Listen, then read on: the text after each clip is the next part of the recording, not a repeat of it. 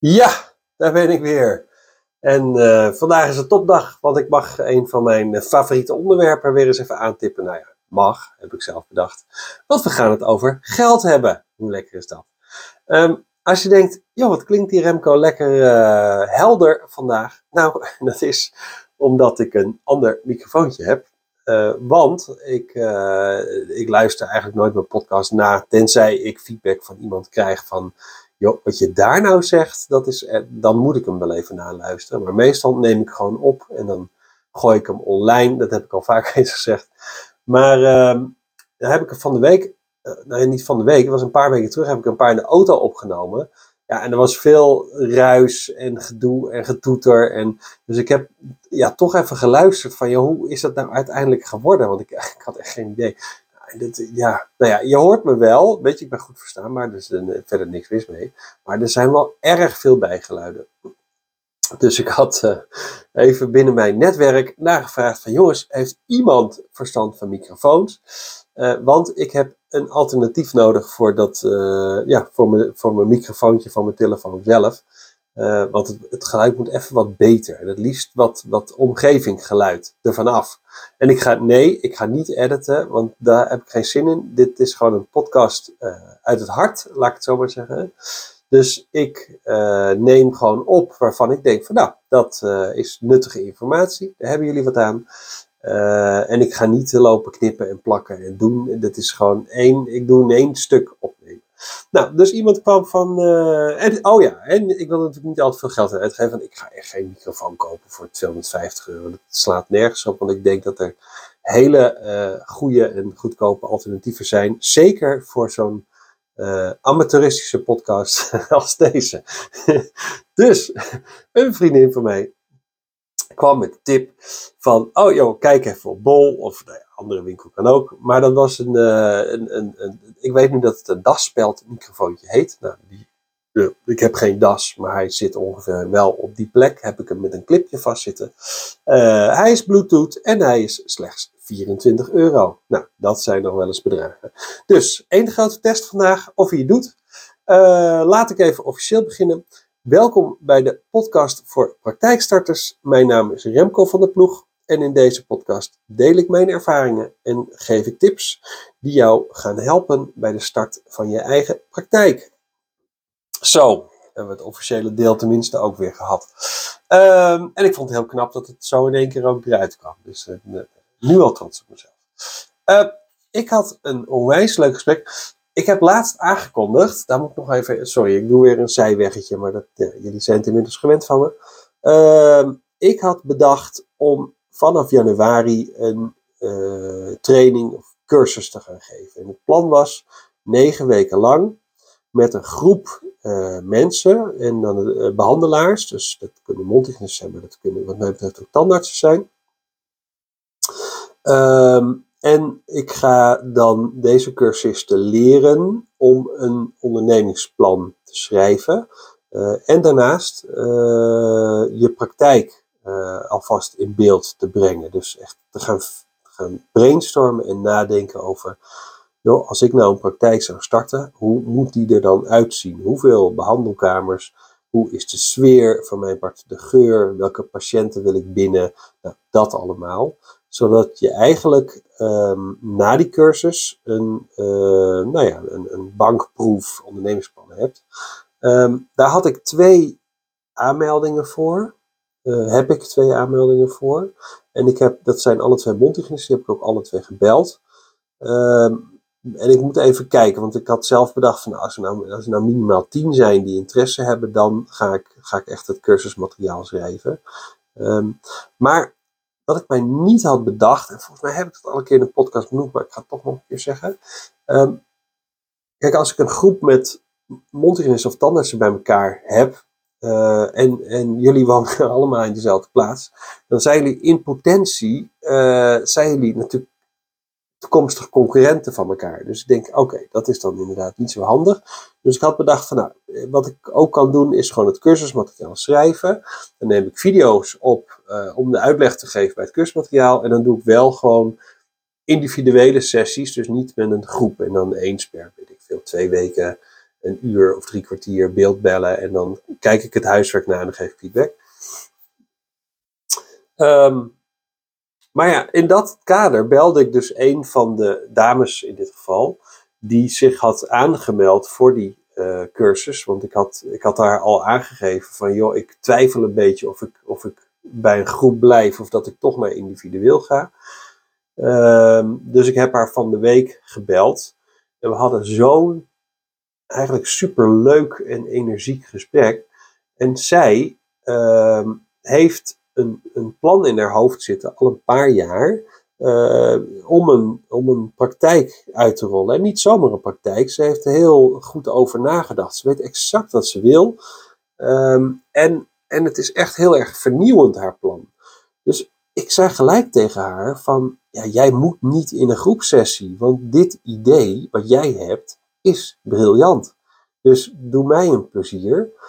En um, ga dit ook vooral niet communiceren met andere mensen. Uh, en hou dit voor jezelf.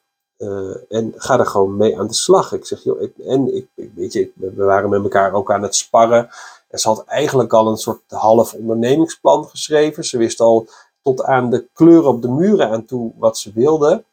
Uh, dus, ze was, dus ik zei ook tegen haar, ik zeg, jij bent eigenlijk al heel veel verder dan mensen die nog helemaal in het, in het begin staan en niet weten waar ze moeten beginnen. Ik zeg, jij weet ook niet uiteindelijk waar je exact gaat beginnen met die praktijk, maar je weet wel al hoe die praktijk er gaat, uit gaat zien. Nou, dat is al, dat is al de helft binnen.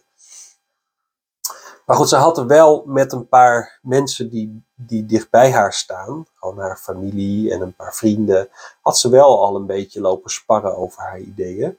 Um, en die uh, mensen die zeiden eigenlijk van joh, uh, heb je daar geld bij nodig? Nou ja, dit is, het is natuurlijk geen raadsel dat, je geld nodig hebt om een praktijk op te starten. En dat is over het algemeen best wel een aardige som met geld. Uh, dus die boden haar aan om haar geld te lenen. Dus ze, ze vroeg aan mij, ja, is dat, is dat verstandig? En eigenlijk wil ik dat niet, zegt ze, want ik wil het zelf doen. Ik wil niet afhankelijk zijn van anderen. Ik zeg, ja, maar ik zeg, heb je een bak met geld gespaard. Ik bedoel, uh, heb je, weet ik veel, twee ton op je rekening staan? Nee, dat was ook niet het geval. En nee, ja, ze zegt, ik heb net mijn hele huis verbouwd. Dus het, spaargeld, dat heb ik, ik heb nog wel een beetje, maar er zit een hoop geld in mijn huis. Nou, ik zeg, dus je moet toch naar een bank. Ja, ze zegt, ik moet zeker naar een bank.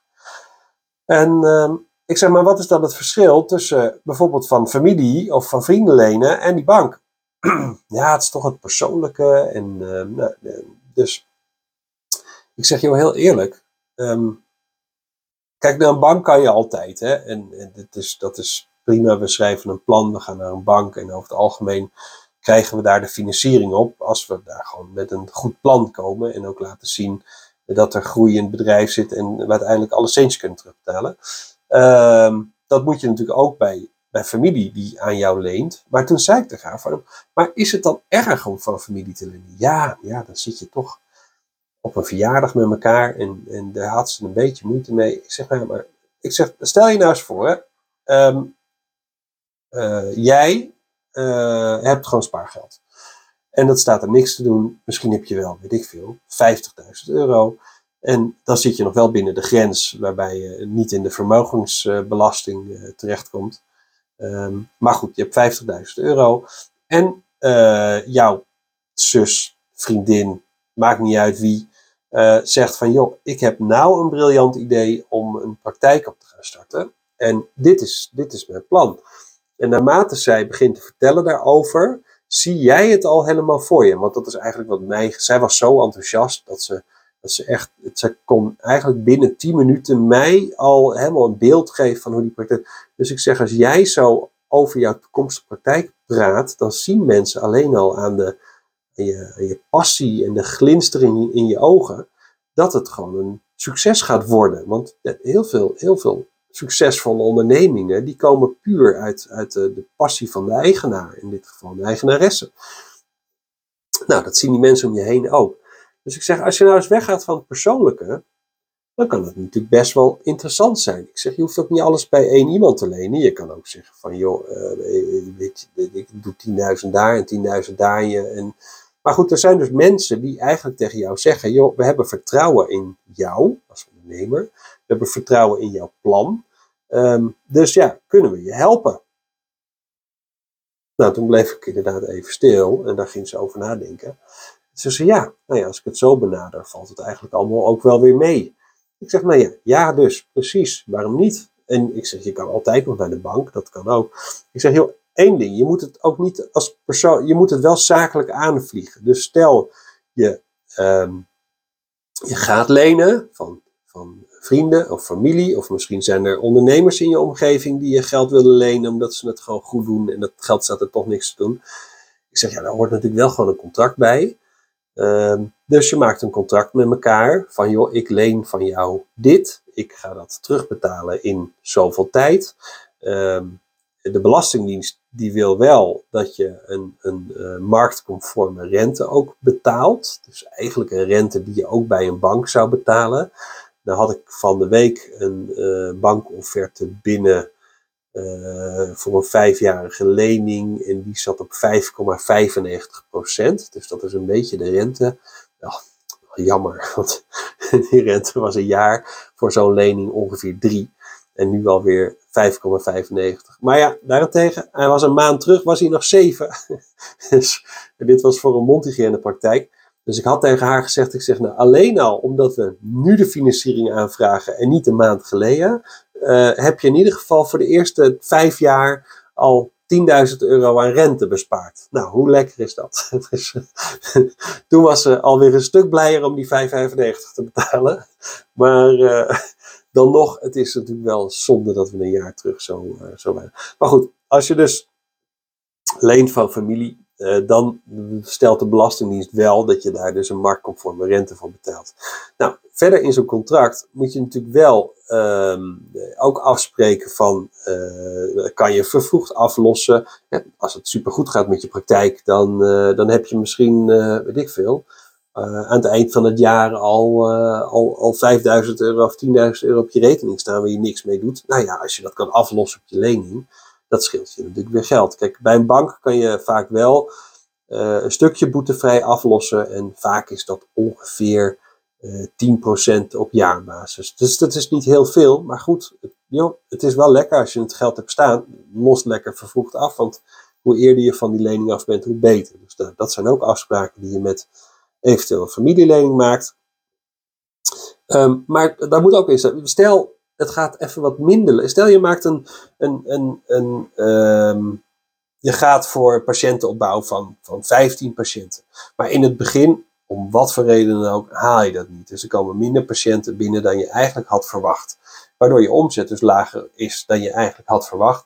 En je een beetje in de knoei komt met alle kosten. Waaronder dus misschien een lening. Dus het kan best zijn dat het dan uh, even niet uitkomt om die lening te betalen. Nou, daar moet je ook afspraken over maken van joh, uh, is één keer erg, is twee keer erg, is drie keer erg. Uh, oftewel, weet je, als het nou een keer niet lukt, mag je dan bijvoorbeeld drie of twee maanden uitstel. En, en daarna ga je gewoon dezelfde voet verder. Um, nou, dat. De, de Belastingdienst noemt dit een onderhandse lening. Um, en die marktconforme rente die je moet betalen, die heeft ermee te maken dat als je dat niet zou betalen, dan zegt de Belastingdienst, ja, dan is het geen lening, dan is het gewoon een schenking. Um, dus hou daar in ieder geval rekening mee. Voor jou, omdat je het hebt geleend, is je rente ook gewoon aftrekbaar. Dus het is niet dat je dat, uh, dat is bij een lening van de bank ook, maar dat is dus bij een onderhandse lening, mag je ook gewoon de rente aftrekken. Ja, en ik denk, als jij uh, gewoon een goede financiële prognose maakt voor de komende, zeg, vijf jaar. Nou ja, ik hou altijd vijf jaar aan. Dus ik maak voor de, voor de uh, Montigenisten die ik begeleid, maak ik prognoses voor de komende vijf jaar. En in die prognoses kijk ik dus ook van, joh, wat is, wat verwachten we aan omzet te gaan ontvangen? Uh, wat verwachten we aan kosten te hebben? En daar zit dus deze lening zit er dus ook bij, want daar horen aflossings- en rentekosten bij. Uh, en kunnen we dat allemaal betalen? Dus als jij je prognose hebt gemaakt uh, op een realistische manier en die prognose blijkt dus gewoon heel goed haalbaar, nou, dan kan je gewoon elke maand uh, netjes je, je, je, lening terugbetalen. Nou, en dan zit je toch ook niet ongemakkelijk met een, met een verjaardag. Ik denk, je maakt afspraken met elkaar. Nou, als jij al je afspraken nakomt ehm, dan is er geen enkele reden om op een verjaardag elkaar te ontwijken. Want jij hebt gewoon iets geleend en je betaalt dat terug. Uh, wat wel zo zou kunnen zijn, stel uh, je hebt iemand die je nu geld uitleent en die iemand denkt over, weet ik veel, vier jaar van, ja, ik heb dat geld nodig omdat ik, weet ik veel, een auto wil kopen, ga verhuizen of, nee, maakt niet uit waar je het geld voor nodig hebt. Ja, dat kan natuurlijk niet. Dus je moet ook inderdaad wel met degene die jouw geld leent afspreken van joh, hou er zelf ook rekening mee dat je dat geld dus inderdaad uh, terug gaat krijgen, maar wel over een periode van vijf jaar. En, en ga niet dus over drie jaar bij mij aankloppen, ik heb het nu nodig, want dat gaat niet. Uh, dus de mensen die jou lenen, moeten ook vooral jouw geld lenen met geld wat zij niet nodig hebben in de komende tijd. Nou, en dat kan voor iemand die, die het geld daar toch op de bank had staan, natuurlijk super interessant zijn. Die mensen die ontvangen ongeveer nul rente op dit moment van de bank voor een spaargeld. Nou, en als ze het aan jou uh, uitlenen en uh, weet ik veel, jij betaalt uh, 4% rente erover. Nou, dan is dat, zou ik, als ik geld zou lenen aan iemand, zou dat lekker vinden. Dan heb ik in ieder geval nog een klein beetje iets voor mijn geld, zeg maar. Dus ik ben absoluut geen tegenstander van dit soort constructies. Uh, maar je moet echt hele duidelijke afspraken maken. Juist om te voorkomen dat je er achteraf gedoe om krijgt. Uh, dus doe dat vooral met mensen met wie je het gewoon ook goed kan vinden.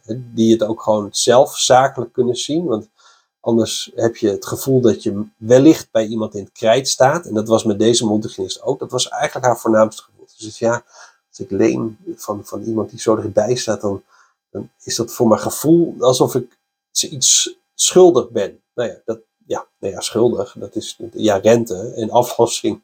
Dat is het enige wat je zo schuldig bent. Uh, maar je staat niet bij zijn krijt. Het is gewoon een zakelijk ding.